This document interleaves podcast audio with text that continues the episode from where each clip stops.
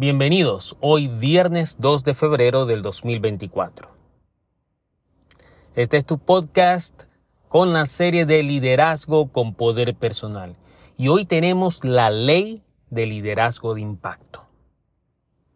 Esta ley dice que un líder con poder personal lidera con determinación y ambición.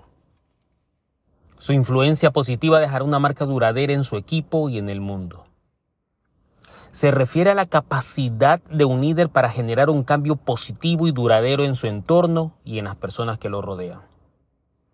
Un líder con poder personal no se contenta con simplemente administrar tareas y mantener el status quo, sino que busca activamente influir en su equipo y en la organización en su conjunto.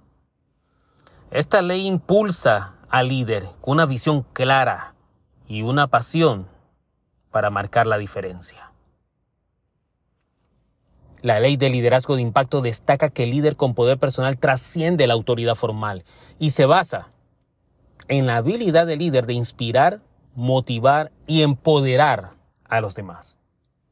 Un líder de impacto se enfoca en los resultados a corto plazo y también vela por el desarrollo personal y profesional de su equipo, cultivando un ambiente que crea la innovación y el crecimiento. A través de su ejemplo y dedicación, este líder crea un legado duradero al influir en la cultura organizacional, en el cumplimiento de objetivos significativos y en la formación de líderes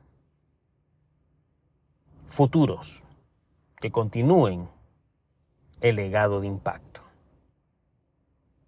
Recuerda que estas leyes te sirven como principios para desarrollar tu liderazgo con poder personal.